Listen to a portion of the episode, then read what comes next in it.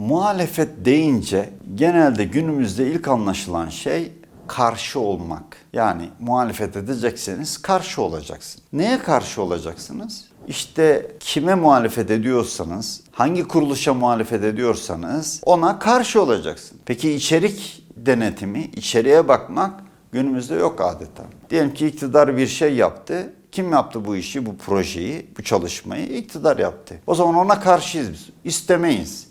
Olmasın.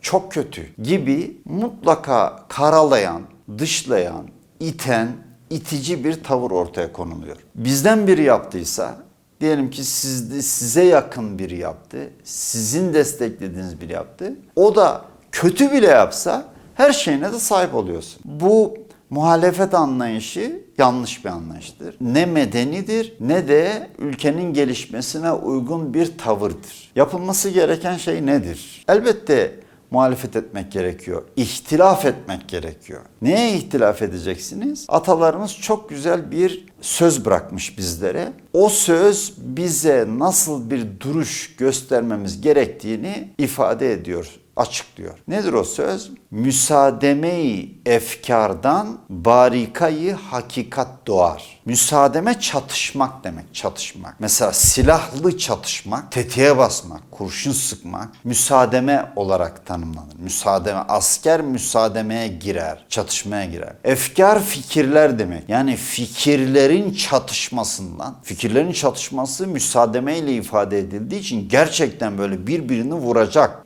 Fikir birbirini vuracak, birbiriyle çatışacak, birinden birini öldürecek, yok edecek demek. Barikayı hakikat doğar. Hakika, barika güneş. Hakikat güneşi ortaya çıkar. Demek ki fikirlerin çatışması gerek. Gerçekten çatışması gerekiyor. Şimdi günümüzde bir karşı olma var muhalefet deyince. Biz karşıyız. Adam muhalefette kendisini konumlandırdıysa iktidar ne yaparsa yapsın. ister doğru yapsın, ister yanlış yapsın. Hepsine yanlış diyor. Hepsine karşı geliyor. Halbuki fikirlerin çatışması gerekiyor ki hakikat güneşi doğru ortaya çıksın. Son sıralarda bir de şöyle bir şey gelişti. Efendim sen fikrini söyle. E sen de fikrini söyle. Ötekine söylüyor. E sen de fikrini söyle. E ben de fikrimi söyleyeyim. Bu benim fikrim. Ben senin fikrine saygı duyuyorum. Bu da benim fikrim. Onun fikrine de saygı duyuyorum. Beyler eğer bu fikirler müsaademe etmezse, çatışmazsa hakikati nasıl bulacağız? Bir konuda üç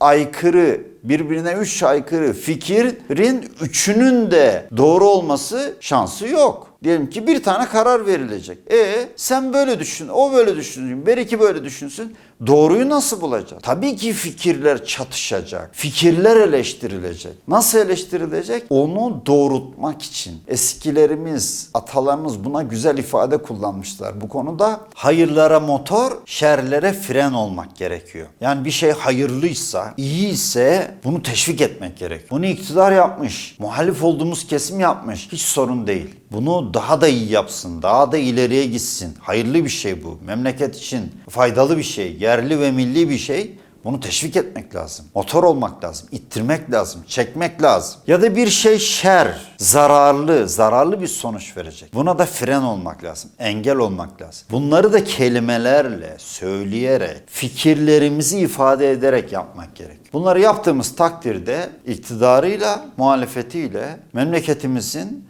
daha da ileriye gitmesine vesile olmuş oluruz hep beraber. Bağnazlık yapmamak gerekiyor. İlla muhalefetteyiz diye her şeye karşı olmamak gerekiyor. İyi yapılan şeyleri teşvik etmek, iyi yapıldığını takdir etmek, beğenmek gerekiyor. Kötü yapılan şeylerin kötü olan taraflarını düzelttirmek için veya düzeltmek için de kelimelerle meramımızı, derdimizi anlatmamız gerekiyor. Bunu yaptığımız takdirde buna en güzel muhalefet olarak bunu en güzel muhalefet olarak tanımlayabiliriz. Ve yapmamız gereken de bu tür bir muhalif duruştur. Eğer muhalif duruş olacaksa yapılması gereken fikirleri çatıştırmaktır. Niçin? Hakikat güneşi yani en doğrusu ortaya çıksın diye. Umarım hakikat güneşi hem hepimizin hem de ülkemizin ve bölgemizin üzerine doğar ve bütün hakikatler icra edilenler olur. Bir başka programda görüşmek dileğiyle hoşçakalınız efendim.